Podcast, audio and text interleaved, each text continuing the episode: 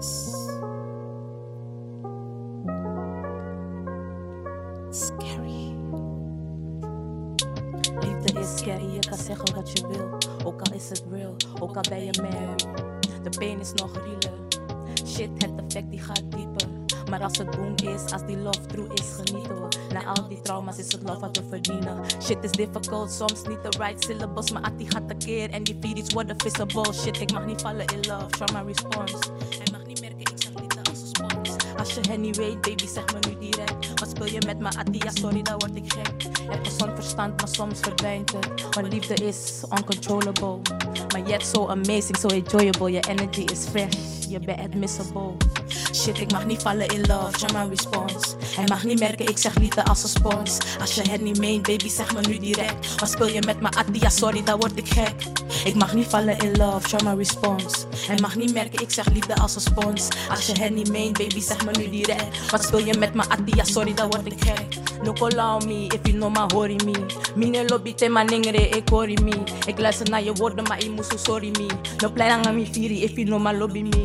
Zeg me afvast, wordt het love, of last. Word ik ben al verrast, wordt mijn energie verbrast. Me it tag ik ba. No connect me wanneer ik je klap, je lach.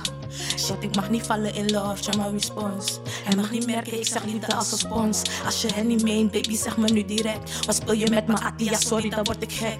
Ik mag niet vallen in love, trauma response. Hij mag niet merken, ik zeg liefde als een spons. Als je het niet meent, baby, zeg me nu direct. Wat speel je met me, Atia? Sorry, dan word ik gek.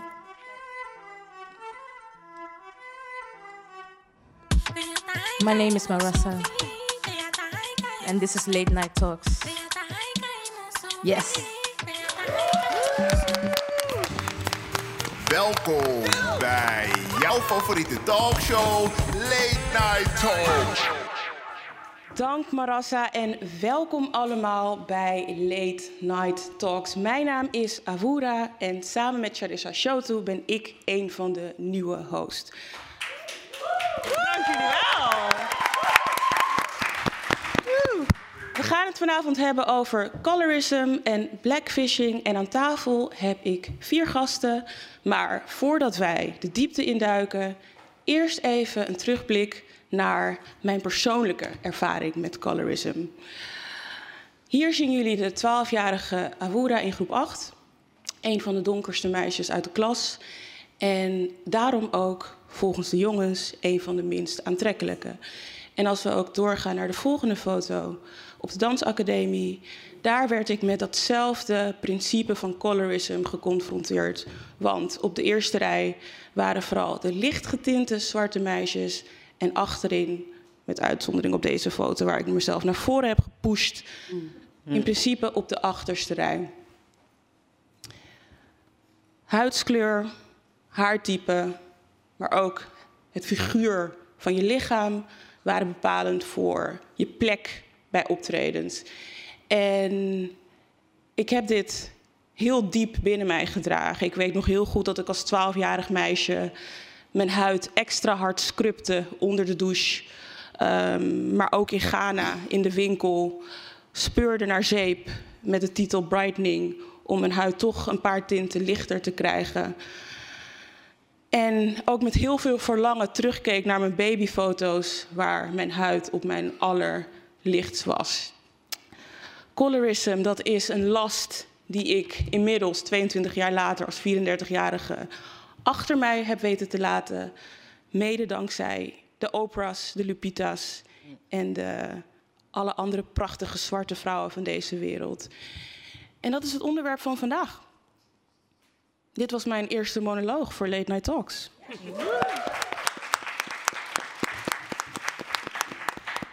Hiermee is de show officieel geopend. Late Night Talks wordt natuurlijk altijd afgetrapt met het spel De Cookout. Om dit spel te spelen heb ik vier gasten aan tafel. Nicole, Joycelyn, Chanel en Kim. En Chanel, jij bent spreker, diversiteitsexpert, et cetera, et cetera. Je bent een heleboel.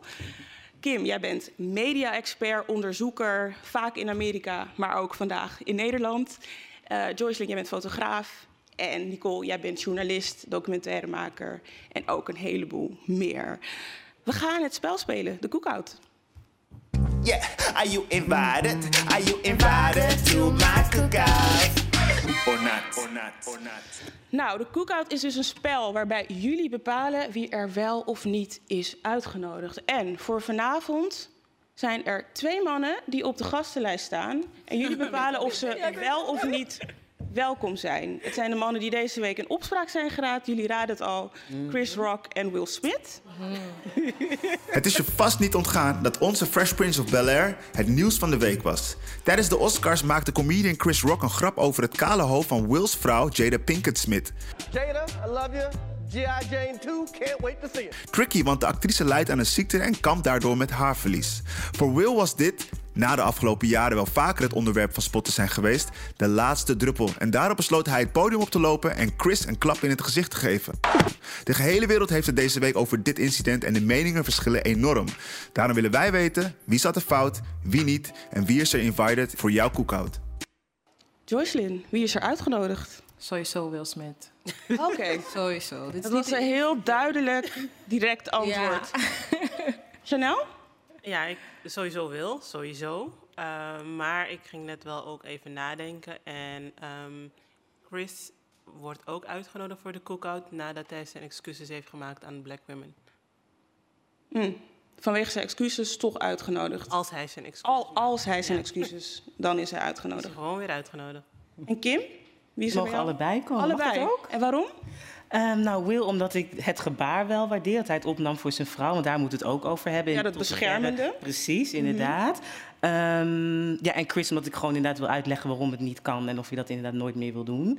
En Will natuurlijk ook wel, omdat ik aan hem wil vragen... Are you good, bro? Want ik denk wel dat er meer aan de hand is. Ja. Nou, ja, dus Chris wordt niet gecanceld, maar die wordt called in, eigenlijk. Ja. ja, ja. Nicole? Ja, ik wil ze allebei spreken. Ik ben zo nieuwsgierig naar het verhaal erachter. Hm. Er is volgens mij heel veel waar we niets van af weten. Dus I want to talk to them. Ja, want als we dan even dieper inzoomen op Chris, er wordt heel veel over Will gesproken en zijn reactie en de proportionaliteit daarvan. Ehm, maar Chris, een comediant, vrijheid van meningsuiting, comedy, waar ligt de grens? Ja, eh, omdat je me aankijkt. Ehm, voor mij ligt sowieso de grens bij ziektes en dat soort dingen. Weet je, ik ehm, als diversiteit en inclusie-expert en consultant ben ik veel in gesprek. En bij de laatste eh, masterclass die ik gaf, eh, vroeg iemand aan het einde van... ehm, ja, eh, maar hoe zit het met humor? Weet je, ik zeg, nou ja, ik noem bepaalde dingen bewust geen grappen. Als het racistisch is, is het geen grap, dan is het een racistische opmerking vermomd als grap. Ik zeg maar op het moment dat jouw grappen alleen maar kunnen gaan over huidskleur, afkomst, religie, ziektes, iemands beperking, dan ben je gewoon niet grappig. Ja, Maar de vraag is wel of Chris het wist, hè? Dat, Ja, nee, dat sowieso. dat zou ik dus e- ook willen weten. Chanel, jij zegt Chris wist het. Nee, ik zeg niet dat hij het wist, want ik ben hem niet. Nee, omdat je zei Ehm. sowieso, maar dat ging over... Nee, ik Dat bedoel, is dus sowieso is dat belangrijk. Ehm, maar ja, ik denk ook, je leeft niet onder een steen. Het zijn de Oscars. En er is een heel team die eh, meewerkt aan zijn grappen. Ja, die grap Dus is door meerdere handen het. gegaan. Like nobody knew. Ja, en die video's van Jada, die staan volgens mij ook gewoon op haar Precies. Instagram-account. Ja. Dus, En- eh, oh, sorry. Ja. Nee, Ja, in vertel, 2016 eh, was Jada ook dan voor Chris the butt of the joke. Omdat Jada dus een actie had gestart, Oscar So White. Hashtag Oscar So White. En daar deed Chris er ook, ook heel erg flauw over. Van oeh, volgens mij was ze geen eens uitgenodigd. Dus ik denk dat het ook een combinatie is van die grap samen met quote-unquote deze grap. Ja. Maar ik zou hem ook liever ook daar nog over willen spreken. Want Jada, het was eigenlijk een hele goede actie van haar. En dan gaat hij het een beetje belachelijk maken op het podium van de Oscars. Dat was Ja. ook wel jammer. En Joycelyn, waarom was Chris bij jou niet uitgenodigd? Nee, nou, het kwam naar voren dat hij sowieso geen sorry wilde zeggen. Want ze hadden al een statement om, aan hem gevraagd van... oké, nou, wat vind je van de hele gebeurtenis? En hij gaf iets aan, maar uiteindelijk gaf, bood hij niet zijn excuses aan... terwijl hij wist van, Jada heeft, lijdt aan alopecia, ze lijdt aan een ziekte. Dus als je er nog steeds voor kiest om dat zeg maar een beetje door de vingers heen te zien... aan te geven dat je een comedian bent, nog steeds zo'n grap te maken... nee, Ja, dan laat je eigenlijk al gewoon blijken dat je het niet zo serieus neemt. Ja, dus het scheurt eigenlijk, het schuurt van alle kanten. Ja. Ja, het is natuurlijk eh, vreselijk dat het gebeurd is voor alle partijen. Geen winnaars, alleen maar verliezers. En het overschaduwt de Oscar-uitreiking. Ja, dat zeg je heel Twee- goed. Ja, twee zwarte mannen. Ik vind het gewoon zonde, man. Ik Ja, en die Oscar van jammer. Die Wil, Oscar van Will. wie praat erover? Mag ik hier misschien nog één ding over zeggen? Ja, natuurlijk. Wat ik ook wel een beetje jammer vond, dat Nederlandse media pakten het ook op. Mhm. En er was dus ook een programma waarbij vier witte mannen spraken over de Ik weet wel wat je gaat zeggen. zwarte mannen van kleur. Dus bij deze wil ik graag, wat is dit, Net als public het over service racisme- announcement? Kim, Kim, dat is weer een hele andere talkshow. Maar we hebben, de redactie maakt een aantekening. Cool. Daarom ben ik zo blij met vanavond. Juist, en laten we het ook vooral hebben over vanavond. Want de onderwerpen die we gaan bespreken die zijn hartstikke belangrijk. En daarom ook deze introvideo met het onderwerp colorism. Feit. Hoe meer je uiterlijk lijkt op dat van witte mensen, hoe beter. Erger nog, juist binnen onze eigen communities lijkt te gelden: hoe lichter je huid, hoe mooier je bent. Huidskleur en specifiek skintoon is een statussymbool. In de hiërarchie van uiterlijke kenmerken staat de witte huid en het eurocentrische uiterlijk bovenaan. Denk aan huidskleur, haarstijl, lichaamsvet, neusbreedte, etc. Helemaal achteraan in de rij, of je het nou eens bent of niet, de allerdonkerste huid. Pijnlijk en achterhaald, toch? Tijd om het erover te hebben. Yes, en dat gaan we ook doen. We gaan het niet hebben over de ABC's van colorism. We gaan gelijk de diepte in. We zitten met een publiek wat goed geïnformeerd is. Een tafel die er ook een heleboel persoonlijke ervaringen mee heeft, maar ook professioneel. En ja, laten we beginnen bij jou, Joycelyn. Je Ja. bent 21 jaar Ja. en je spreekt je online ook uit Ja. over dit onderwerp. Ja. Wat is voor jou de aanleiding geweest om dit onderwerp aan de kaak te stellen? Ja, wow, dan moet ik wel even teruggaan. Eh, trouwens, over je monoloog, ik werd er heel erg emotioneel van weer. Want ik kan me er echt heel erg in vinden dat eh, toen ik jong was, dat ik dan een potje bleek dan in de badkamer zag. En dacht van oké, misschien moet ik het ook gaan gebruiken, omdat eh, thuis ik te maken had met een vrouw die wat lichter was dan mij. En die dan soms opmerkingen maakte over hoe licht dan mooi is. Dus na een tijdje dacht ik van oké, dit kan eigenlijk niet. Ik bedoel, maar ik ben darkskin, ik ben, ik ben gewoon een dame. Ik hoor eigenlijk gewoon als mooi gezien te worden. Hoezo is dat dan niet zo? Nou, toen ik 17 was, begon ik echt dromen te hebben over mijn familie. Hele erge nachtmerries. En de dromen die ik zeg maar ervaarde, was alsof ze slechte mensen waren in mijn leven. En op een gegeven moment ging ik gewoon gesprekken aan met mijn vriendinnen. Ik dacht van oké, volgens mij heeft het echt een hele slechte bron. Volgens mij is het echt een hele slechte wortel in mij dat ik nog niet echt goed heb aangekaart. Ging ik gesprekken aan van oké, weet je, waar komt dat precies vandaan? Ik ging met mezelf stilstaan. Ik dacht oké, mijn voorkeur is wit. Waarom is mijn voorkeur wit? Waarom wil ik liever mezelf zien met een witte man? Weet je, waar komt dat eigenlijk vandaan? Ik ben 17. Ik zou eigenlijk gewoon, weet je, ik zou eigenlijk gewoon op moeten vallen op mijn eigen, op mijn eigen ras. En dat was niet zo. Dus na een tijdje ging ik natuurlijk het gesprek aan en ik besefte me heel erg dat ik gewoon heel veel zelfhaat heb. Weet je, als ik in de spiegel keek, accepteerde ik mezelf niet.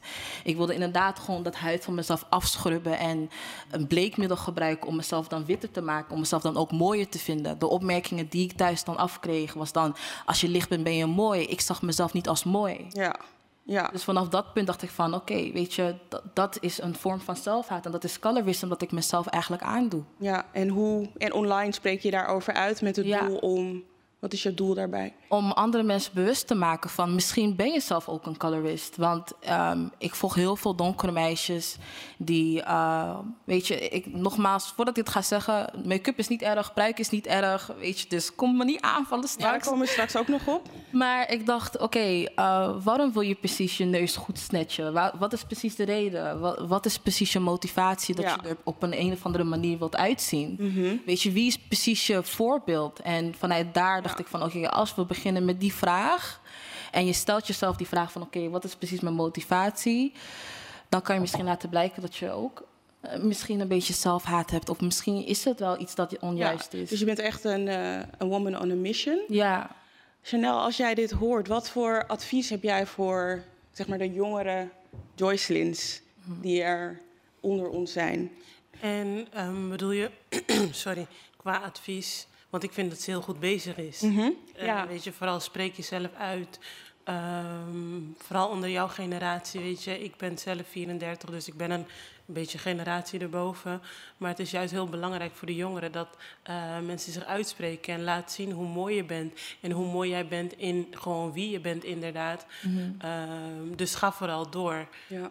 Of bedoelde je meer de, Ja. de, de mensen die zich een beetje onzeker voelden? Nou, die mag je ook adviseren als je wil. Ja, je bent prachtig zoals je bent. En Mm. weet je, eh, omring jezelf. We leven in een online wereld. Dat is het fantastische van eh, jullie generatie. Jullie groeien op met social media, waarin je zo, waarop je zoveel rolmodellen kan zien en waarop je zoveel prachtige mensen kan zien waarop jij lijkt, die op jou lijken, die dus prachtig zijn. En dan ben jij dat dus ook. Inderdaad. En laat het even koppelen aan een influencer. Je bent niet alleen in dit onderwerp, dat weet je sowieso al, met in deze zaal en met de verhalen die we tot nu toe hebben gehoord. Maar ook influencer Sandra Lambeck heeft zich uitgesproken hierover. ehm, en zegt bij deze beelden, waar dus, zij dus in het verleden haar huid heeft gebleekt, could never go back to this. Laten we ook even naar wat cijfers kijken. Want ik wil even een koppeling maken met waar dit schoonheidsideaal vandaan komt. We gaan even kijken naar wat cijfers uit de media, tv-reclames. 56% van de mensen in tv-reclames zijn people of color. Dat is één ding. In slechts 16% hebben ze een hoofdrol. En dan gaan we naar het meest schokkende cijfer. 5% van de people of color zijn te zien zonder wit persoon naast zich. Nou, ja, daar valt je de... De people of color die te zien zijn, hebben ze onderzoek naar gedaan. Die zijn vaak lichtkleurig Ja, precies. en een losse, losse krul. En dat nog erbovenop, inderdaad. Kim, jij bent een media-expert. Ehm, ons schoonheidsideaal die wordt beïnvloed door de media, films, televisie, tijdschriften, et cetera, et cetera. Waar ligt de oorsprong van dit schoonheidsideaal? Waar ligt de Waar wij allemaal naar streven. Ja. Ehm, ja, er zijn dan, want je hebt natuurlijk mainstream media en je hebt ook wel, vooral in Amerika natuurlijk urban media en black media. En dan zou ik eerst willen beginnen met het mainstream gedeelte. Ik denk dus dat er helaas nog de gedachte heerst van, oh ja, we moeten mensen in media plaatsen die, eh, waar de dominante groep zich mee kan identificeren. Terwijl natuurlijk gewoon ook universele verhalen zijn. Waarom zou bijvoorbeeld een Lupita Nyong'o niet de love interest kunnen zijn in een blockbuster movie? Want het Ja. gaat bijvoorbeeld over, weet ik veel, aliens of zo die de wereld willen veroveren. Het heeft verder niks met kleur te maken. Maar je ziet toch dat heel veel mediamakers denken van, oké, als dan een persoon pakken die uit de dominante groep komt, dan is het in ieder geval aantrekkelijk voor een groot publiek. Daarnaast heb je natuurlijk ook heel lang eh, het gedachtegoed gehad van, oké, als we dan mensen van kleur in de media neerzetten, dan ehm, voldoen ze aan een bepaald stereotype. Waarschijnlijk waar Nicole het één. Ja, precies. Waarschijnlijk één, omdat het psychologisch gewoon zo werkt. Van oh ja, als mensen denken dat bijvoorbeeld zwarte mannen gewelddadig zijn en zwarte vrouwen agressief, dan werkt het gemakkelijker psychologisch om dat dan ook af te beelden. En natuurlijk ook om ideologische narra- narratieven in stand te houden als je stereotypen pakt. Ja. Dus ik vind ook dat het heel erg belangrijk, mocht je een persoon van kleur in de media ziet, dat je dan ook heel erg kritisch moet zijn naar hoe die persoon wordt afgebeeld. Voldoet die persoon wel of niet aan een stereotype? Ja. En als we het dan over urban media hebben, de oorsprong daarvan, ehm, tot slaafgemaakten die meer eurocentrische trekken hadden in de slavernijperiode, hadden meer privilege en werden meer op waarde geschat. Dus daardoor zou je kunnen zeggen dat sommige schoonheidsidealen in urban media nog steeds doordrenkt zijn door dat gedachtegoed, waardoor je daarom waarschijnlijk vrouwen van kleur ziet die bijvoorbeeld Europese gelaatstrekken hebben of een bepaalde haartextuur Ja. of een bepaalde skintoon. Dus het is eigenlijk een gedachtegoed die we nooit hebben losgelaten. Ja, ja, klopt inderdaad. Ik wil wel zeggen dat ik een, een, een lichte verandering zie, maar hebben het misschien later over. Maar vooral inderdaad begin 2000 en jaren 90, ook in de Aberdeen magazines en andere urban media, zag je inderdaad een bepaalde zwarte vrouw Ja. als covermodel. Ja, precies. En het principe van omgekeerd colorism. Chanel, ik kijk dan eh, weer naar jou. Bestaat dat? Dat, eh, dat er lichtgetinte mensen omgekeerde colorism ervaren omdat ze door de community niet als donker genoeg worden gezien? Is dat ook onderdeel van het begrip? Ja, dat wilde ik net zeggen, want ik denk zeker wel, en ik denk, ik denk zeker, sorry, ik moet goed zeggen, het is zeker zo dat er inderdaad naar lichte mensen, door sommige mensen of door misschien veel mensen, ik weet het niet, dat gedeelte hè, is zo. Er wordt gezegd, hé, hey, jij bent niet zwart genoeg. Dat is iets wat bestaat. Maar net als dat er geen omgekeerd racisme is, is er ook geen omgekeerd colorism. Ik denk ook wat dat betreft dat we een beetje moeten afstappen van het interpersoonlijke. Dus hé, hey, jij hebt iets tegen mij gezegd, of jij hebt tegen mij gezegd dat eh, ik niet zwart genoeg ben, naar het institutionele en het systematische en wat we in de maatschappij hebben eh, net kwam je met wat cijfers, maar er zijn gewoon echt cijfers zeg maar, vanuit Amerika. In Nederland, Nederland is altijd traag met onderzoeken. Maar dat echt, als je kijkt naar ehm, loon, dat zwarte mensen, als je licht gekleurd bent, dat je meer verdient dan wanneer je donker gekleurd bent. Dat zijn de dingen die er op grote schaal toe doen in de maatschappij. Dus op grote schaal. En natuurlijk is het vreselijk als iemand tegen jou zegt dat je niet zwart genoeg bent en diegene jou een soort van identiteitscrisis aanpraat. Dat is vreselijk op persoonlijk vlak. Maar daarmee heb jij niet nog minder kansen in de maatschappij op succes. Ja. En op een Ja. eh, leven wat Je profiteert nog steeds van de witte norm. Precies. En het is ook wel een heel belangrijk punt wat je aansluit, eh, aansnijdt. En dat is ook wel een disclaimer voor dit gesprek. Dit gaat niet over light skin versus dark skin. Nee, dit gaat juist over gelijkwaardigheid. Het gaat niet om de voor- schuld. Het gaat niet Het om gaat niet om vingertje wijzen. Nee. Het gaat niet Nee. om schuld, inderdaad. Nicole. Mag ik nog wat zeggen Ja, over... ik wilde ook naar jou doorgaan, eh, ja. Colorism en racism, dat zijn systemen. Eh, tuurlijk kan je als lichtgekleurd of wit iemand gediscrimineerd worden... maar het wordt niet ondersteund door een machtsstructuur. Dat. En dat moeten mensen zich realiseren. Het gaat niet, om wat je al zei, het gaat om een systeem. ja, dus dat onderscheid-. Ja. Ehm, maken veel mensen nog niet. Omdat we nu pas zelfs de taal hebben om hierover te praten. Ja. We hebben nog niet eens de taal om hierover te praten. Ja, want Dus komen net, we- we- precies, we komen net kijken eigenlijk. Ja, en in je documentaire, je radiodocu Dicht bij Wit, heb je dit onderwerp ook Ja. uitgebreid bespreekbaar Ja. gemaakt. Ja. Voordat we erover gaan praten, kijken we eerst even naar een fragment. Luister. Ja. Kijk, dat wordt niet uitgesproken, maar het is wel zo. Ik vertel je dat en ik schiet weer vol. In populaire cultuur, in de klas, in families. Het deed bijvoorbeeld mijn moeder pijn dat mijn oma mij achterstelde en mijn overgrootoma mij achterstelde. En het was puur om mijn huidskleur. En omdat ik op mijn vader leek, die overigens vijf tinten donkerder dan mijn moeder is. Zoals te horen is in dit fragment, Nicole, heb je met verschillende mensen over dit onderwerp gesproken. Ja, ik ben eigenlijk met de familie gaan praten. Ja. Met wetenschappers. en Onder andere ook je zus. Ook mijn zus, die hoorde je ook, ja. Ja, want je zus, die is Mijn zus is lichter. lichter Een stuk lichter dan ik. Mhm. En wat ik meemaakte was vooral als ik opgroeide van... eh, ja, je zus is mooi, ze is licht. Dus dat is iets... En jij kreeg diezelfde opmerkingen Niet. niet. Niet. Dus dat... Je neemt dat mee, maar wat jij ook al zei... je bevraagt jezelf pas op latere leeftijd daarover. Of de verhalen die ik hoorde van mijn moeder. Mijn vader is lichtgekleurd, mijn moeder donkerder. En ehm, mijn moeder kwam bij mijn vader thuis. En die tante zei later toen ze weg was... ehm, waarom kom je met haar thuis? Ik onterf je. En Ehm, haar, wie was haar? Mijn moeder. Ah, Ja, dat ze donker getint. Precies. Of, of vader van mijn moeder dat ze geen engeltje mocht zijn in Suriname, omdat zwarte engeltjes bestaan niet. Dus daar ben ik mee opgegroeid. Tegelijkertijd, eh we leven in een beeldcultuur. Ik werk in de media. Ik zie zoveel. Dus een paar jaar geleden dacht ik van, ik moet hier wat mee doen. En ik vond het spannend, want we hebben al het gevecht buiten, hè? racisme. En denk, ga ik hiermee naar buiten? Ga ik op de landelijke radio het hierover hebben?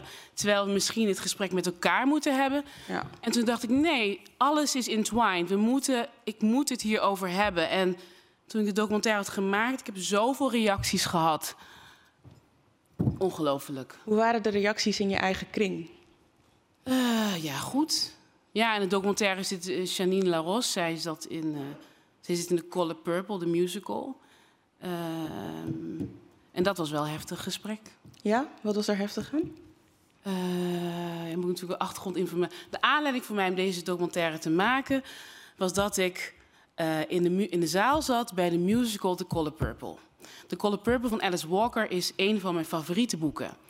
Alice Walker heeft als eerste in de jaren tachtig ook de, de term geïntroduceerd, colorism. Eh, en dat gaat over, het onderwerp is colorism. Het gaat over een zwart meisje en wat zij meemaakt vanwege haar huidskleur. Dus ik zat daar in een zaal en ik had een steen. Ik bedoel, ik zag Janine, ik was helemaal trots. Ik weet hoe ze gevochten heeft. En ik zag daar een cast die bijna alleen maar licht gekleurd was. Dus ik dacht, wow, ik moet hier echt wat mee. Dit is het de tijd. Ik kan niet meer, ik kan mezelf niet meer verschuilen. Ja. Ik moet dit verhaal gaan maken. Ik moet Ja. dit onderzoeken waar het vandaan komt.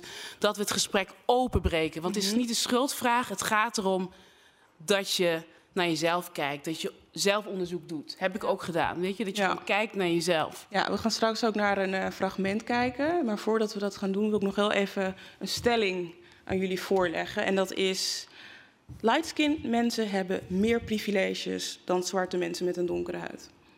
Maar die vraagstelling suggereert dat colorism niet bestaat. En colorism is geen mening dat bestaat. Mhm. En dat racisme bestaat. Dus die stelling op zich is, is al... Is, Ja, is onmogelijk. om Ja, is onmogelijk. Omdat het een feit is. Omdat het en een feit is. Op wetenschappelijk onderzoek. point of view. Ja, wetenschappelijk onderzoek is er geweest. Racisme bestaat. Colorism bestaat. Er is ongelijk. Colorism heeft invloed op de arbeidsmarkt, onderwijs. Ga maar door. Of je de baan krijgt. Ja, het was ook een valstrik en jullie zijn er Ja. niet in getrapt. Deed je heel goed. En Joycelyn, ehm, binnen jouw groep, lichtgetinte vriendin, heb je ook zo'n soortgelijke verschil in behandeling? eh, is dat ook opgevallen bij jou? Ehm, ehm, Oké, op straat nog niet met mijn vriendinnen, maar op werk wel. Ik werkte wel eens eh, in een bakkerswinkel in de, in de stad. Ik ga gewoon de naam noemen hoor, Simit Sarai. en ik, ik ga het gewoon noemen. En ik werkte daar voor een jaar. En toen ik daar pas kwam werken... ehm, ja, ik, ik werkte daarvoor namelijk bij de McDonald's. Dus ik kon sowieso kassa draaien. Ik kon gewoon alles doen. Je hebt alle skills die Ik had- nodig waren voor de job. Ik had alle skills. Nou, toen ik daar ging werken, ehm, waren daar ook gewoon mannen met spieren en zo. En de, en de manager besloot om mij klusjes te geven waarbij ik mijn spierballen moest gebruiken die ik niet had. Ik moest naar beneden, ik moest rennen, ik moest naar buiten, ik moest geld ophalen. En ik, ik kwam alleen om gewoon in de bakker te werken. Nou ja, Gewoon brood inpakken. Precies. Toen kwam er een dame, licht getint, krullen, lichte ogen, vrij petit. En die mocht gelijk kassa staan. Nee. Terwijl ik tegen hem zei van, wanneer mag ik kassa staan? Want er was eens een keer een geval dat hij gewoon boos op me werd dat ik kassa stond. Ik stond daar gewoon om iemand in te vallen die naar de wc moest of wat dan ook. Ik weet niet meer wat er was gebeurd. En hij kwam, me aan, hij kwam naar me toe en zei van, nee, je mag geen kassa staan. Oké, is goed, dan ga ik weg. Ja. En, wat zo- dacht je daarbij, bij die opmerking van jij mag geen kassa staan? Je dacht van misschien is dat... Ik dacht, misschien wil hij het gewoon niet. Destijds was dat meisje er nog niet. Dus toen dat meisje kwam en ze mocht gelijk kassa staan, dacht ik van oké, dit is fout. Ik ga hier niet langer meer werken. Dus ik hield het een beetje vol. Ze mocht continu kassa staan. Ik eh, vroeg aan de assistent-manager van... ja, ik weet niet wat er aan de hand is... maar er is iets aan de hand met je hoofdmanager. En hij mag me niet. Of ik weet niet wat het is, maar ik ga weg. En ze zei van, nee, ga, ga niet weg. Blijf, blijf, blijf. Want na werktijden wat- waren we altijd gewoon goed samen. We gingen lachen. Maar tijdens de werktijden was er een duidelijk onderscheid tussen mij... en dat meisje die lichtgetint was en ik als donker meisje. Dus ja, dat is wat ik heb meegemaakt. Ik, heb, ik heb een getuige. Ik heb een getuige. Zit daar. Oké, je getuige zit in de zaal. En je wordt ook eh, gelijk, eh, alles wordt op vastgelegd Ja. voor social. Je ook weer delen met de Het volgers. is fijn dat we nu kunnen lachen erom, toch? Nee, je- ja, ja, ik kan dat is lachen. heling. En Ja. ik vind het zo Ja. geweldig dat jij gewoon op bent gestaan, dat je het zag. En dat je Ja. dacht, ik werk hier niet. Nee, nog heel vaak- smeken dat ik moest vaak- blijven. Want heel vaak denk je van, er is iets mis met mij. Ja. Mm. Ja. Ja, en eens het gewoon slikken en doorgaan. Nee, niks ervan. En ik ben wel heel. Ik wil echt even verder naar wat kunnen we eraan doen? Hoe kunnen we het aanpakken? Want Kim, in Amerika zijn we veel verder. Zijn jullie veel verder met kennis, onderzoeken? Wat kunnen wij in Nederland leren daarvan? Oeh, jeetje, oh, dat is wel een lastige vraag. Ja. Ik wil wel, ik, het is ook een lastige vraag, omdat het ook een groot probleem is natuurlijk. Ja. ja. Nee, wat ik sowieso Mag zo niet. Ja, ja, wat ik sowieso interessant vind aan, aan Amerikaanse literatuur en met wetenschappers die ik daar heb gesproken, is dat zij colorism. Weet je, want colorism is natuurlijk het woord kleur in. En we hebben het inderdaad ook over light, medium, brown skin, verschillende eh, kleurshades. Maar dat zij dus ook zeggen, je kan lighter of darker ehm, geëvalueerd worden als je bijvoorbeeld een bepaalde haartextuur hebt of bepaalde gelaatstrekken, misschien zelfs een bepaald inkomen of opleiding. Dat het dus allemaal aspecten zijn die je dus inderdaad iets meer naar een andere kant zou kunnen laten verschuiven. Dus dat vond ik wel echt heel erg interessant om te horen. Dus dat het bijna over status gaat of zo. Want je zou denken, een kleur is een kleur. Daar is verder Ja. gewoon niks subjectiefs of zo aan tot een bepaalde hoogte. Maar dus blijkbaar, als je dan een bepaalde gelaatstrekken hebt... of een bepaalde haartextuur of een bepaalde opleiding of inkomen... dat mensen je dan toch net iets anders weer gaan inschatten. Ja. En wat ik ook heb gemerkt, want ik heb dus onderzoek gedaan naar hoe ehm, jonge Afrikaanse-Amerikaanse vrouwen betekenis geven aan het schoonheidsideaal in commerciële rapmuziekvideo's. Dat zij dus ehm, toen zij jonger waren best wel last hadden van het hele exotisme. Dus Dus inderdaad een bepaald soort haar en een bepaalde gelaatstrek en een bepaalde huidskleur tint. Maar dat zij door gesprekken met familie dat achter zich konden laten. En dachten van nee, ik ben gewoon mooi zoals ik ben. Dus ik wil ook benadrukken dat familieinterventies heel erg belangrijk zijn. Dat je op jonge leeftijd al hoort van hé, hey, je bent mooi zoals je bent. Maar wat wel een beetje problematic is, dat zij dus heel erg bezig zijn met het lichamelijke schoonheidsideaal. Dus eigenlijk heeft het hele eurocentrische is ingerald Mhm. voor het hele bodily ideal. Mhm. Grote borsten, grote billen. Maar daar hebben we het ook wel een ander keertje over. Anders gaat het ook over. Ja, Maar maar het komt ook nog wel aan bod hoor, straks ja, bij, eh, bij het dateverhaal. Maar Nicole, je, had ook nog, je hebt ook nog Ja, nee, ik had kunnen gesproken met aanpakken? eh Jaba Blee, universitair docent in, in Amerika.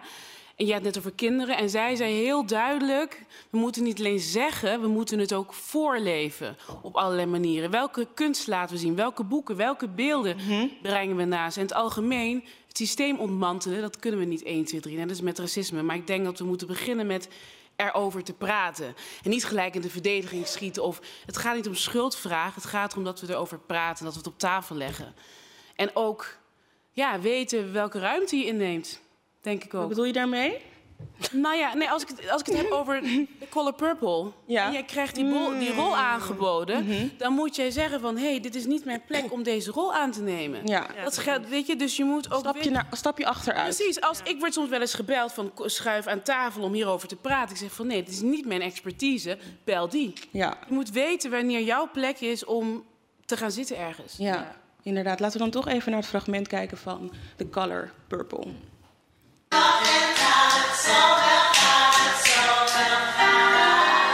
Er zijn voor zwarte vrouwen niet heel veel rollen die zoveel omvatten. Dit is, denk ik, een van de allergrootste rollen van mijn leven. En ik ben nog maar 27. Het heeft zoveel. Het heeft verdriet, het heeft pijn, het heeft liefde, het heeft hoop, het heeft geloof. Er zit zoveel in deze rol. En dit is gewoon een droomrol. Ik zou geen andere rol kunnen bedenken die ik liever zou willen spelen dan Celie in The Color Purple. Ja, ik schrok even toen ze zei Celie, want ik dacht... Ja, maar, nee, maar, la- nee, maar, kijk, maar dat is toch- was toch Oprah? Maar dat, nee, nee zie- kijk, kijk, Oprah wordt gespeeld door die vriendin van mij, Janine Laros, die is ook donkerkleurd. En Celie, zij speelt die normaal gesproken in de Of is dat Whoopi? Is dat is ja. Nou, Whoopi is ook... eh, Zij speelt ook mijn kleur. Ja, en kijk, ehm, dat laat zien hoezeer die blinde vlekken erin zitten. Ja. Zij is een leuke vrouw. Zij is, Absoluut. Er is niks Daar gaat het mee. niet over. Maar er zit een blinde vlek. Er was bij geen van hen het besef van... hé, hey, deze rol past niet bij mij. Terwijl dit boek, dit verhaal, gaat over colorism. Ik heb het gesprek met mijn vriendin gehad. Zij was zich niet bewust, want zij, zij is ook zwart, weet je. Zij maakt ook de dingen mee. Mhm. Dus ik heb echt een gesprek met haar gehad... en langzaam ehm, ging er bij haar iets open wij zijn niet gewend om hierover te praten. Ja. We zijn niet gewend om naar onszelf te kijken van... Hey, hoe, ben ik, hoe heeft 400 jaar kolonialisme... hoe heeft effect hoe ik naar mezelf kijk? Mhm. Ja, want, Want dat ook- is dan ja, de volgende vraag inderdaad. Hoe krijgen we dan Nou kijk, wij... tinten op de juiste plekken? Op de plekken die Kijk, weet je waar het mee begint? Mhm. Wij zijn, verdeel en heers heeft plaatsgevonden onder ons. Hoe kan jij eh, jezelf ontwikkelen, verdedigen... als we binnen onze eigen groep niet over dit soort dingen praten? Als we niet weten wat er allemaal speelt? En ik denk dat het daarmee begint, dat we gewoon het gesprek moeten eh, openen hierover. Gesprek openen, stapjes achteruit. En, en educate, want als jij het, als jij het stuk The culture. Color Purple gaat spelen... dan moet je toch weten wat de thematiek is. Het is wel heel ironisch inderdaad. Ja, Ja, maar Het, is, het is bijna vergelijkbaar met ehm, de vertaling van eh, Amanda Gorman. Mm. Het is gewoon niet zien, zeg maar, dat je op een bepaalde plek... Dat, je, dat een ander daar meer geschikt voor is. Ja. Mhm. En het is niet... En dat een ander Want leg dat even uit. krijgt. Ja. Nou ja, eh, we hadden, ik weet even haar naam niet, sorry. eh, maar er was dus een eh, witte vertaler. Marieke Lucas. Ja. Marieke Lucas, inderdaad. eh, die het eh, gedicht van Amanda Gorman, een jong zwart meisje, eh, ging vertalen. Dat gedicht gaat onder andere over zwart zijn. Dat is iets wat je moet leven. Dus daar kwam ophef over en uiteindelijk heeft eh, de prachtige, zeer getalenteerde Zaire Krieger het gedaan. Wat ook Mhm. een jonge, zwarte, eh, getalenteerde ehm, spoken word artiest is. En, of wie, sorry. En, ehm, Maar Marieke Lucas had gewoon op dat moment niet door. Zij dacht, nou ja, ik ben een vertaler, ik eh, schrijf ook poëzie. Dus ik ben geschikt daarvoor. En is, het is gewoon niet bij haar opgekomen dat er iemand anders meer geschikt is. Ja. En ik denk dat we in de maatschappij sowieso veel meer moeten stilstaan bij de privileges die wij hebben als persoon. En wanneer we bepaalde kansen krijgen, of kijken wie we mee kunnen nemen. Of kijken of er iemand is die misschien nog meer geschikt zou zijn. En of we dan een stapje achteruit kunnen doen en iemand anders naar voren schuiven. Maar wat het voor hem moeilijk maakt, was dat hij dacht... ik behoor ook tot een minderheidsgroep, Mhm. dus Ja. ik zou deze rol kunnen nemen. Ja. Net als met de vrouw van net, die dacht... ik ben een zwarte vrouw, dus ik kan het Mhm. nemen. Dus die bewustwording... Is genuanceerd. Ja, dus Ja. het is... Al die eh, intersecties en het zo is, eh, belangrijk. We kunnen hier heel lang over doorgaan, maar we hebben nog heel veel andere onderwerpen op het programma. Dus we gaan even door met een switch naar dating. En dan gaan we ook wisselen tussen Joycelyn en Edward. En hier even een introvideo van Lang leven de liefde. ehm, colorism in de dating scene. Zou de dochter nu kunnen zijn van Denzel Washington? Denzel. Hoor je nou wat je zegt? Ik, dus ik lijk op een man. Maar ik bedoel er niks gemeens mee. Maar, want je kan zijn dochter toch zijn? Dat is dus, nou ja. Maar hij is natuurlijk eh, dan veel meer Surinamer denk ik, dan Indo. Denzel Washington, even serieus. Hij is gewoon hartstikke Amerikaan. Ja, maar wel van een... Van een wat? Nou ja, zijn ouders ooit of zijn opa. Uit. Afrika bedoel je? Nee, gewoon, gewoon getint. Hij is meer Ja, Surinaams, denk ik. Sorry, ik ga je even corrigeren. Oh. Je hebt Oosterse mensen, je Ja. hebt negroïde mensen. Ja. En negroïde mensen komen in Ja, alle... hij meer negroïde dan? Ja, precies. Dus Ja. Surinaams is gewoon een land. Of is een volk, is Ja. een cultuur. Dat heeft niks te maken, want in Suriname... zijn Uiterlijk er- dan, qua uiterlijk. Ja, maar dan lijkt hij nog steeds niet op een Surinamer. Je kan toch ook niet zeggen, ja, Trump eh, die lijkt wel op, eh, lijkt op een Duitser. Ja, hoezo? Ja, waarom kan je dat eigenlijk niet zeggen? Want Omdat hij niet op een als hij nou een beetje een Duits, Duitse uiterlijk zou hebben. Ja, maar hoe ziet een Surinamer eruit? Serieus? Dit zeg je serieus? Ja, dat wist het natuurlijk ook. Ja. Ja. Wauw. Ja, ja, ja, ja, ja, ja, ja. Hoe zouden jullie eh, reageren op deze man? Ik zou sowieso eerst zeggen, dus ik lijk op een man. Ja, dat zou je eerste reactie zijn. Want als we het hebben, Edward, welkom aan tafel. Yes, hallo. Hallo. Mm. Ehm, we gaan het even hebben over de voorkeur binnen de datingwereld en colorism. De voorkeur voor witte of lichte vrouwen. Waar komt dit vandaan, Nicole? Nou ja, ik ga weer terug naar dicht bij wit. Ik ben naar mijn neefjes, twintigers, gegaan om te onderzoeken hoe het met hun voorkeur zat. En zij, daar was ik echt geschokt door, ook licht en een krul. En bij hun gingen toen pas de oogkleppen open. Oh, dit, dit doe ik. Waar komt dat vandaan? Wat ik al zei, 400 jaar kolonialisme, het eurocentrisch schoonheidsideaal zit diep gebakken in ons allemaal. Herken jij dit ook, Edward? Ehm, bij mezelf bedoel je? Je eigen omgeving? Oh, oh. Ehm, niet in mijn directe omgeving, maar ik weet wel dat het gewoon gebeurt eh, bij de jongeren bijvoorbeeld. eh, als je op YouTube eh, kijkt. Ehm, wat was het nou? Dan heb je van die strateninterviewers die dan eh, dat soort vragen hebben gesteld Mhm. aan, eh, aan jongeren. En dan dat ze zeiden van eh, zwarte jongens. Mhm. Die dan zeiden van, oh, ik zou nooit met een zwarte vrouw daten. Eh, ik wil geen zwarte kinderen. En eh, ja, ik wil gewoon lichte, een, een lichte vriendin of zo. Ja. Ja, ja. Maar in je eigen directe omgeving. Nee, nee, dat. dat eh, nee. Maar dan komt ook, als je naar de beeldcultuur kijkt... Lekker niet. Maar heb jij niet vrienden, Edward, die ook naar wit of naar light skin neigen? Ehm, ik heb wel eh, eh, vrienden die eh, met bijvoorbeeld eh, witte vrouwen daten of whatever, you know, light skin of whatever. Maar eh, ehm, ik heb eigenlijk nooit het gesprek gehad van, hey, is het echt van, eh, date je dus nu met een- bijvoorbeeld met een witte vrouw Mhm. en zeg je daarnaast ook van, maar ik zou ook nooit met een zwarte vrouw daten, snap je? Dus dat weet ik dan niet zo, maar eh, ehm, ja, Het is niet een gesprek wat ter sprake, een eigenlijk onderwerp wat ter sprake komt. nee. Maar we leven in een beeldcultuur, hè? Mhm. Dus wat zie je? Wat zijn de vrouwelijke iconen? Ja, Gekleurd. ja. En Ja. man is weer, gender is weer anders, maar dat is wat we zien. Dat is wat ons wordt gevoed. Want Ja. dat is inderdaad Ja, de vraag van... waar zit de grens tussen voorkeur, echt intrinsiek... en inderdaad iets gevoed door de buitenwereld. Chanel, je hebt een post hierover geplaatst. Die laten we even zien. Ehm, ook jij had de voorkeur voor lang, licht en lekker, zoals je dat zelf eh, omschreef. Hoe kijk je daar nu tegenaan? Ja, dit gaat over mijn eerste drie vriendjes. Mhm. Ehm, die toevallig echt dusdanig op elkaar leken dat, lijken dat ze broers zouden kunnen zijn. Ehm, maar ehm, ja, ik denk destijds, ja, ik, ik viel gewoon op ze. Maar in de tussentijd heb ik echt met zoveel... Oké, dit klinkt ook niet echt oké. Trouwens, nee, het klinkt wel oké. Goed zo. sexually liberated woman. Die nu in een vaste relatie zit. Ehm, nee, maar ik heb met verschillende type mannen gedate, eh, relaties gehad eh, in de hele range. Eh, ik heb een relatie gehad met iemand die totaal niet conven- conventioneel, zeg maar, klassieke schoonheid is of iets Mhm. dergelijks. Eh, waarbij ik gewoon echt op zijn innerlijk viel. Ehm, dus ik heb geen voorkeur. Weet je, als ik dan nu kijk daarna, mijn huidige partner is toevallig iets lichter dan ik. Mhm. Eh, maar hij is totaal niet lang. Hij is een paar centimeter langer dan ik. Weet je, vroeger was het echt van nee, ik kijk niet naar je als jij even lang bent als ik. Ja, dus dat Eh, lang licht en lekker, dat dat- was een fase. Dat was toevallig, denk ik. Toevallig geweest, Ja. ja. En we hebben, Edward, we hebben het net ook met de dames uitgebreid gehad over colorism. Eh, dat ging vooral over vrouwen. Ik ben ook wel benieuwd naar colorism onder mannen. Op welke manier ondervinden mannen colorism in de dating scene? Ondervinden ze colorism?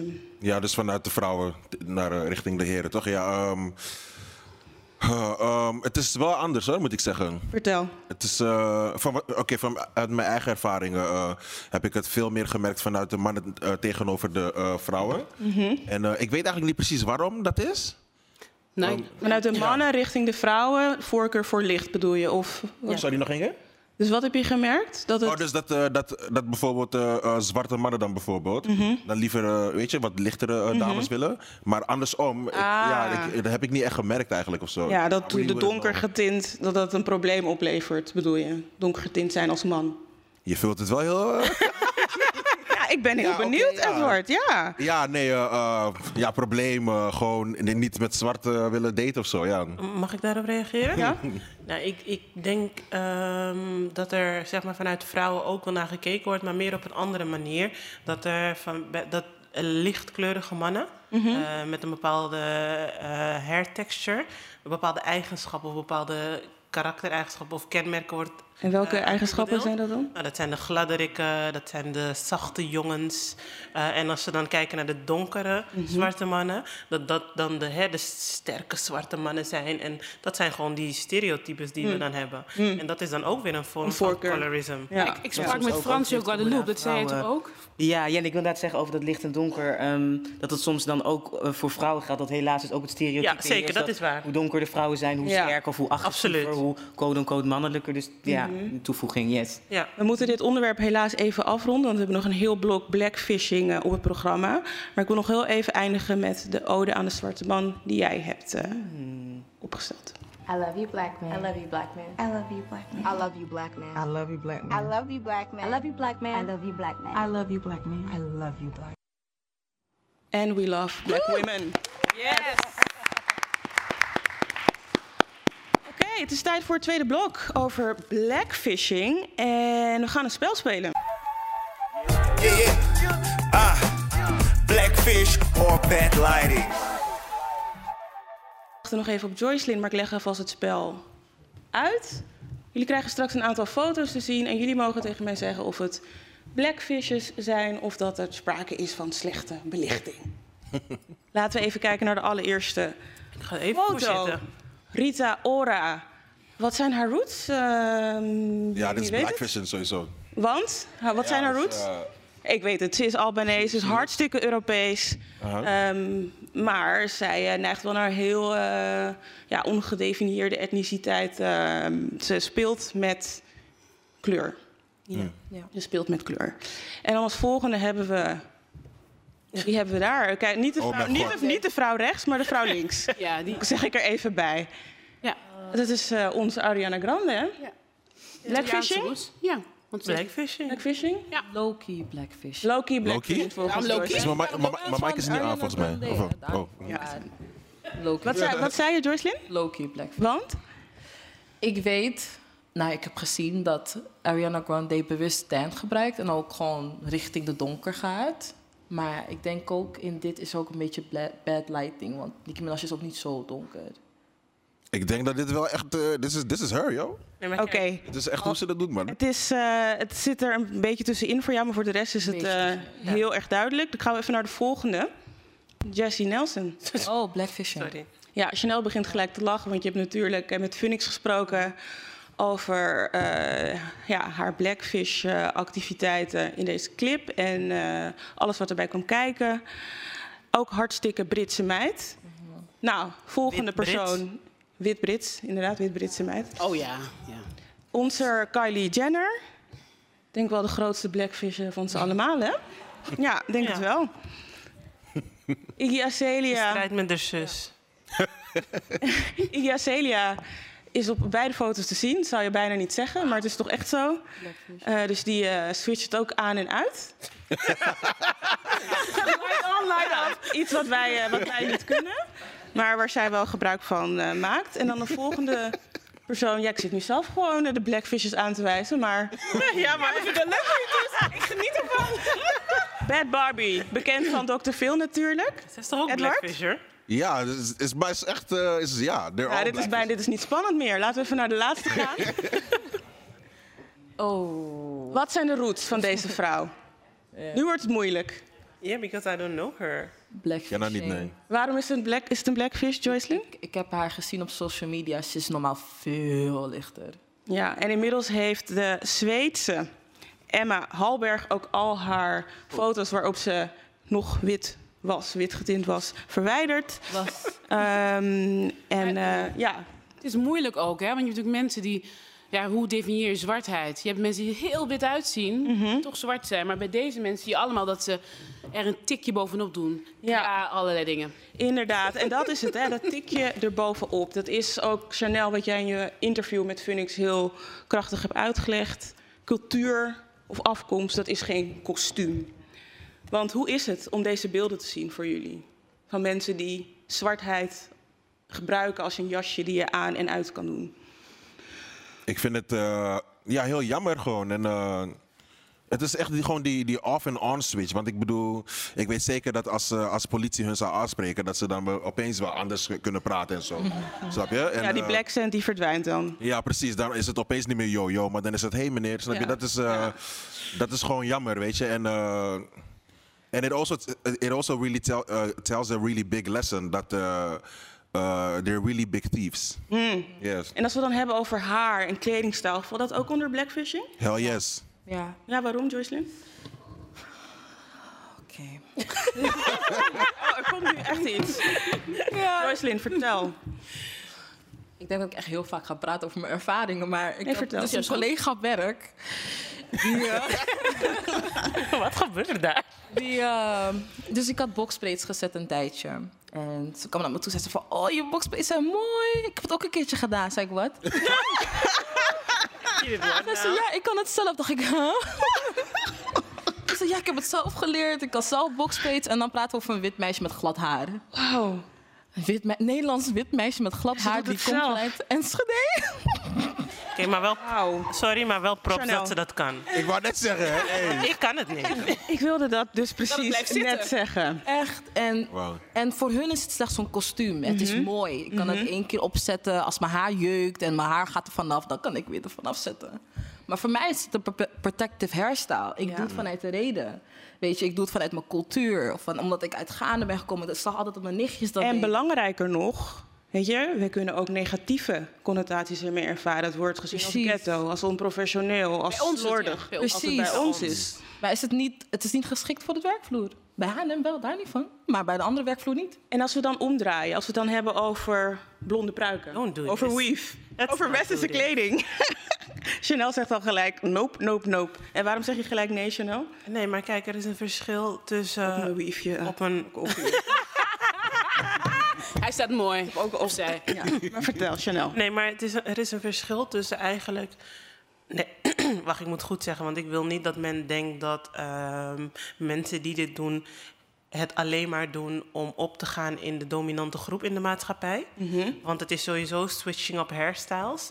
Eh, maar het is begonnen doordat zwarte mensen is aangeleerd en is verteld en letterlijk erin is geslagen dat ons haar niet mooi, netjes, schoon was. Dus het moest eraf geschoren, eh, het moest stijl, het moest zo wit mogelijk zijn. Mhm. En daar is het mee begonnen. Dat wij nu daaruit zijn gestapt en kiezen voor verschillende haarstijlen. Mhm. Dat is net als dat witte mensen kiezen voor Permanent- een rode... permanentje. pre- Precies, permanentje rode kleurspoeling. Dat is wat anders. Eh, maar vanuit ons komt er niet van... I want to take your culture, like it. Nee, het is meer het is een, een, een dwang. Mm. Daar is het vandaan gekomen. Mhm. En het is niet, I'm just taking what I think. Ja, want laten we dan laten we nu even een film, naar een filmpje kijken over toe-eigening met eh, Rachel Dolezal. Oh ja. Een paar jaar terug, maar nog steeds wel Before berucht. her name went viral and became a hashtag for anyone claiming a race or culture they were not born into, Rachel Dolezal says she was living her life as an active member of the black community. Many within her community saw Rachel as a respected civil rights activist. She was president of the local NAACP chapter and an instructor of Africana Studies at Eastern Washington University with a bachelor's in arts and a master's in fine art from Howard University. Then, in 2015, this childhood photo of a blonde haired white Rachel was a piece of her unraveling when it was revealed she had constructed a life around black culture. Rachel Dolezal eh claimt transraciaal te zijn. Is dat een ding? Het is gewoon niet goed in haar hoofd. Er zit de plek ingenomen van iemand anders die daar had kunnen zitten. Ja, dus eigenlijk zeg je van het is niet mogelijk om geboren te worden in het, in het lichaam met het verkeerde etniciteit. Dat bestaat niet. Ik geloof wel dat zij gelooft dat het zo is. Ja, dat wou ik net zeggen. Maar het is niet oké. Er is een geschiedenis weet je, waar we mee te dealen hebben. Ja. Ik merk wel dat qua blackfishing... Ik ben er heel, echt niet mee bezig. Ik weet dat ik vo- voorheen nog wel eens boos werd. Als ik dan Kardashian zag en dan deed alsof de haarstijl meer alsof het van haar kwam. Maar tegenwoordig merk ik, het is afleiding. Ik ga me niet meer boos maken. Ik ga me nu focussen op ons en hoe we onszelf opbouwen, de volgende generatie opbouwen. Want het is vermoeiend. Als ik Mm. te veel ernaar ga kijken, dan word ik boos. Dan, Ja. Het is niet constructief. Ja, ja ik begrijp het. Ehm, laten we ook even kijken naar Martina Bik, een witte vrouw met blond haar. Eh, claimt dat zij zich ook een zwarte vrouw voelt en ziet er ondertussen zo uit. Ehm, oh yeah, oh ja. En inmiddels dus zo. Oh my god. Why do this? Yeah, I like my body from the beginning and to now every step. But um, like the boys, like their brand new car, they love to work on it. And if they see, wow, nice results, let's find this piece and this piece. And so tuning is a little bit more than expected. It's a work in progress. Nou, eh, Martina heeft het dus nog een stapje verder dan Rachel eh, gepakt. Maar ook dus de vormen die, waarvoor de zwarte vrouw normaliter niet naar de plastische chirurg hoeft. Rondingen heeft ze zich ook aangemeten. We hebben vooral heel veel vrouwen gezien, Edward. Komt blackfishing ook voor onder mannen? Ja, sorry. Kijk, dit, dit onderwerp is eh, lachwekkend, maar het is ook zo, oef, zo problematic. Weet je? ehm, Ja, want je schrok, hè, Ik zit echt in, in het spectrum van ja, lachen en niet lachen. Weet je, is, Mhm. het is, ja, ik weet niet, man. Ehm, maar eh, ehm, ja, onder mannen, even kijken. ehm, uit mijn eigen ervaring niet eigenlijk hoor. Ik zeg het nu steeds hoor, maar ik, I'm not trying to be lazy, maar ik... nee, ik, ik, heb het niet gezien. Ja, Als je het niet hebt gezien, heb je het niet zegt het gezien. bijvoorbeeld, hè? Van Ja. Mars Want wat zijn zijn roots? Volgens mij is hij Filipijns, maar ze zeggen, dat zeggen mensen, hè? Want hij neemt de zwarte cultuur als een jasje en hij doet het om. Hmm. En hoe heet die ene jongen ook weer? Eh, Logic, volgens mij, die rapper. Ja. Maar volgens mij is hij... Maar hij- kennen jullie Logic? Hij is Joyce. Hij is kwart eh, black, toch? Zoiets. Ja, hè? Maar hij heeft ook echt die light switch, hoor. Pa, pa, pa. Ja, het, Hij zet hem aan en uit wanneer het hem ja, uitkomt. het is echt kiezen. en, eh, Chanel, je had ook nog een voorbeeld? Ja, ik, ik zie het op TikTok soms wel bij Asian dancers. Mm. Kijk, daar, Ja, daar zie ik het ook. TikTok is echt erg daar, ja. Dus, Ja, Ja. dat is een heel goed bruggetje straks naar Aquafina. Maar voordat Oh. we naar Aquafina gaan, eerst nog even influencer Lies Zara. Die, eh, ja, weet niet, misschien had hij ook wel haar eigen vlechten gezet. En een heleboel backlash kreeg van haar following. Het is zo messed dat, dat deze wereld zo in elkaar zit. Dat zoveel mensen zich zo erg aangevallen voelen door mijn haar. ik wist van tevoren dat het iets van op- ophef zou, zou aanwakkeren. Maar ik bedoel er niks fucking racistisch mee. En nu raak ik mijn TikTok-account kwijt. En ben ik bang dat ik ook mijn Insta-account kwijtraak. Omdat iedereen zo pressed is. En ik neem het ze niet eens kwalijk, want ik vind het gewoon zo sneu. Chanel, je zei gelijk, er komen geen tranen. Ja, first of all, waar zijn de tranen? Ze was alleen maar aan het jammeren, letterlijk, aan het jengelen, zonder tranen.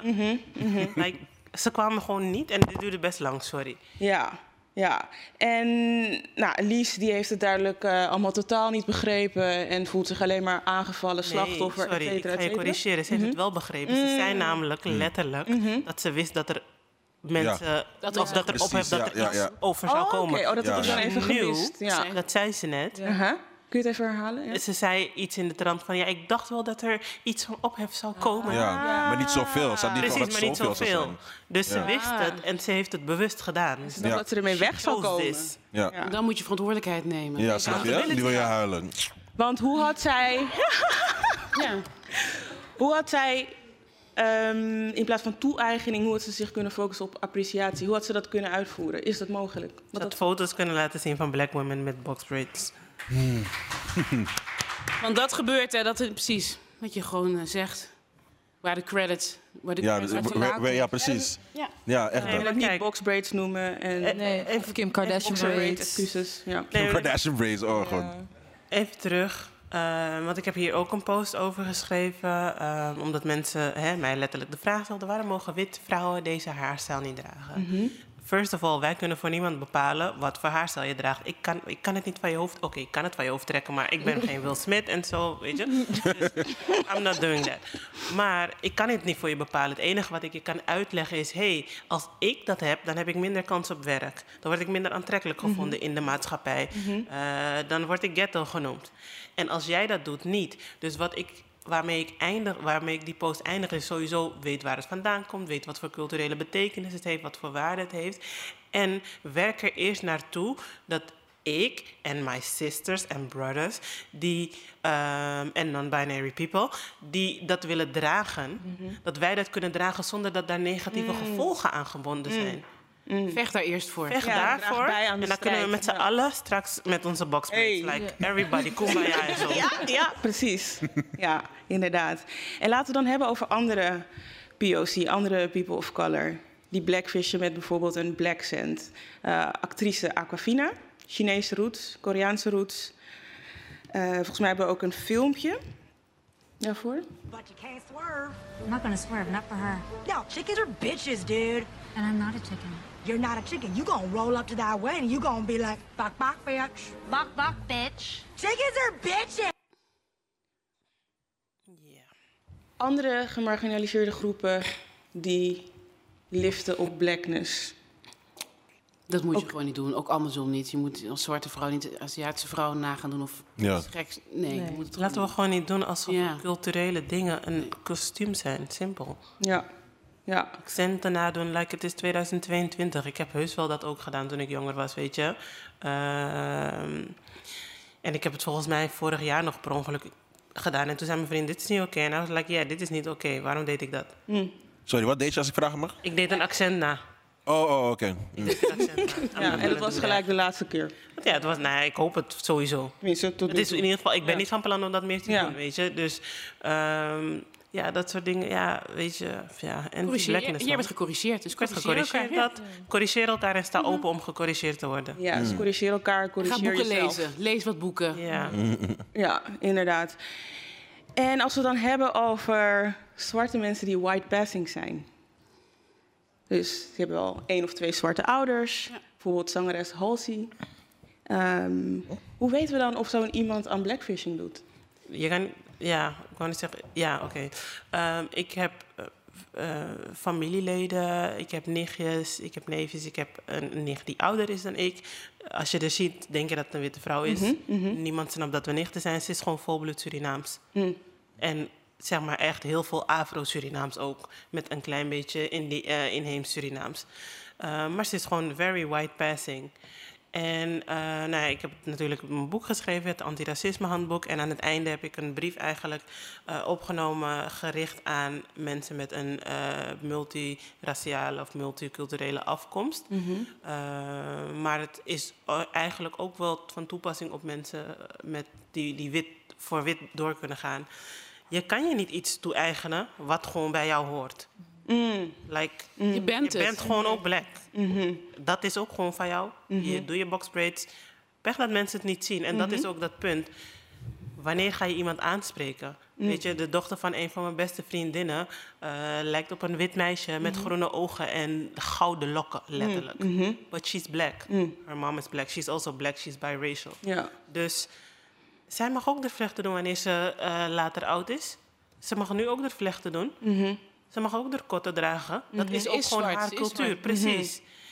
Dus ik denk wat dat betreft ook met mensen aanspreken. Mhm. Als je het echt nodig vindt om iemand aan te spreken, know the facts. Ga niet iemand aanspreken omdat je denkt, oké, maar je ziet er niet zwart genoeg uit voor mijn liking. Ja. Ja. En we moeten dat toch weten? Precies. Hè? 400 jaar kolonialisme. We weten dat we er allemaal op verschillende manieren uit kunnen zien. Dat. Dat weet je. Er is Ja. geen standaard zwart. Er is geen Er is standaard, geen nee. range, er is nog meer. We hebben nog ehm, één filmpje. Ehm, het werd net ook al gezegd. Weet je, artiesten als Kylie Jenner, maar ook Emma Hallberg. Hè, die profiteren van weet je, die rondingen, die vollere lippen, eh, getinte huidskleur, braids, et cetera, et cetera. Wow, Vicky is een, andere, is een dame die geen andere huidskleur aanneemt. Like a lot of y'all, I guess y'all be feeling some type of way because y'all don't really think I'm black. But Ancestry.com did tell me I was black, so I have the right to to say that I'm black because I'm like ancestor. All I know is I took the test and they said I was black. Well, they said I, I didn't say I was black, but they said I had black in me. So you know what I mean. But like I don't know because I guess a lot of y'all took it the wrong Vicky is wit, claimt zwart, een zwart persoon te zijn. Ehm, veel mensen geloven niet dat ze dit is, maar dat ze gewoon negatieve bekendheid wil. Dus of het nou negatief of positief is, dat ze dankzij die ophef rondom haar uitspraken en haar persoon, eh, dat ze daardoor een podium krijgt, likes krijgt, views krijgt, wat het ook is. Waarom blijven mensen hierop klikken? Ik vind het zelfs niet interessant om het over te hebben. Ik denk echt van, zonde van onze tijd. Hier ben ik het mee eens, man. Ik, ik, ja. Wow, Vicky, ja. Wow, Vicky. Ja. Wow, Vicky. Mensen Ja, maar echt, de naam. De naam klopt wel. De naam klopt wel. Ehm, Edward, je hebt geen moeite gehad met het onderscheiden van de, de blackfishes van de bad lighting. In het echte leven problemen mee? In de club? Ehm, ja, ik weet niet, man. A lot of, a lot of non-black uh, people look black. En, eh, en het, ja, het gebeurt gewoon dagelijks. En, eh, en I keep it to myself. Weet je, zoals ze zeggen, ik- wanneer spreek je iemand aan en Mhm. whatever. En ik, eh, you know, I just keep it to myself en denk van, ah, another one, weet je. Ja. Ah, another, one. Ah, another one. en, eh, eh, Maar we zijn wel heel leuk eigenlijk, hè? Dat is steeds van ons Ik wou net- wordt. ik wou net zeggen. prikkende cola gewoon. Blueprint. Blueprint, baby. De cola, nee. Ja, nee, het is, eh, het is gewoon echt opmerkelijk. Like, uh, uh, for, for years, um, uh, a lot of industries, uh, uh, heel veel uh, uh, instanties en whatever. En wanneer het komt op commercieel. Ik zit, ik, ik doe de, zit in de, dus in de modebranche. En uh, um, heel veel bedrijven houden ervan om gewoon like black girl magic te gebruiken. Maar, but not include the black Mhm. You know, ik zeg altijd, uh, uh, we, need to, we need to actually start paying taxes to black women. Want uh, uh, black women are, are actually making a lot of money, but not actually receiving, Mm. you know, the capital for that. En dat, dat is gewoon heel vreemd. You know, um, ook, ook bijvoorbeeld in de black hair industry, like... Um, als je, als je kijkt naar de statistieken, ze- ik, ik had laatst een artikel gelezen um, uh, vanuit Amerika, dat uh, de, de black hair industry ongeveer um, onder, net onder de 10, eh, 10 miljard uh, um, genereert annually. En uh, uh, 80% uh, daarvan uh, wordt geconsumeerd door zwarte vrouwen. Mhm. Maar slechts 3% of 5% uh, actually has ownership in that industry. En dat lijkt me zo, ja, oh. Maar dat verantwoordelijkheid ligt ook bij onszelf. Waar Ja. we die dingen? Waar Ja. gaan we naartoe? Precies, ja. Dat, Ja. wordt de volgende, dat wordt de volgende show, Nicole. We, hebben nog, we hebben nog anderhalf minuut. Eh, ik wil graag op een positieve noot sluiten. Wat gaat er goed? Gaat er iets goed? Dat wij hier zitten om erover te praten. Ja, ja. Hoe jij begon, Precies. wat je vertelde, wat Ja. je deelde. Dat is voor mij positief. Ik weet nog dat ik met de documentaire begon. Ik deelde een post op Facebook. Mensen wisten niet waar het over ging. Mm. Nu zijn er meerdere gesprekken erover. Dat is voor mij gewoon... En dat het gesprek groter was dan het interpersoonlijke. We hebben het Juist. gehad over systemen. En daarop moeten we voortborduren. Ja. Ik wil jullie allemaal ontzettend danken. Mensen in de zaal, jullie aan tafel, de mensen thuis. We gaan nog luisteren naar het laatste nummer van Marassa. En geef haar een daverend applaus.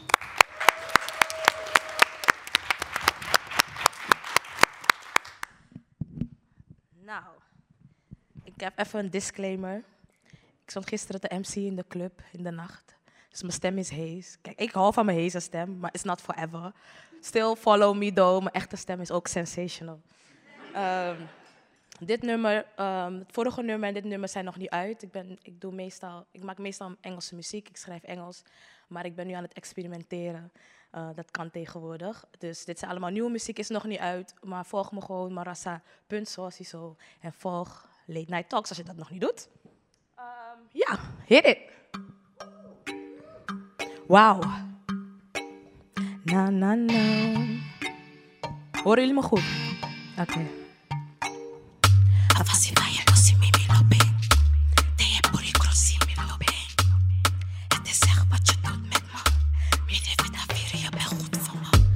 The woman yaki calm.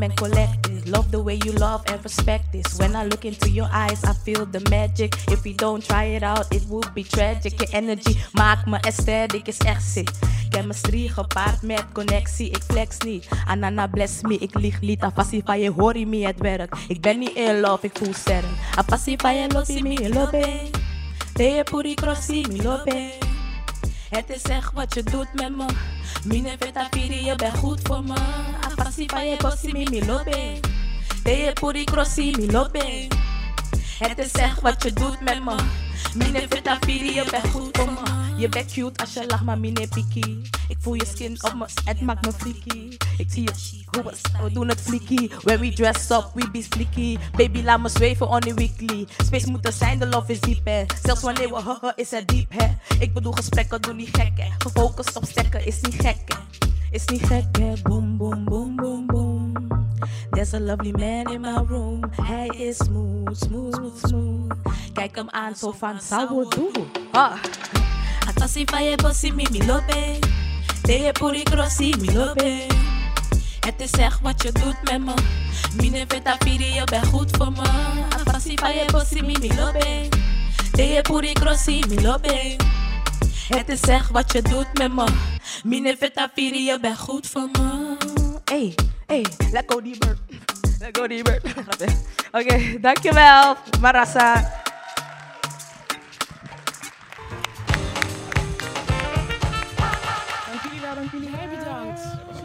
yeah.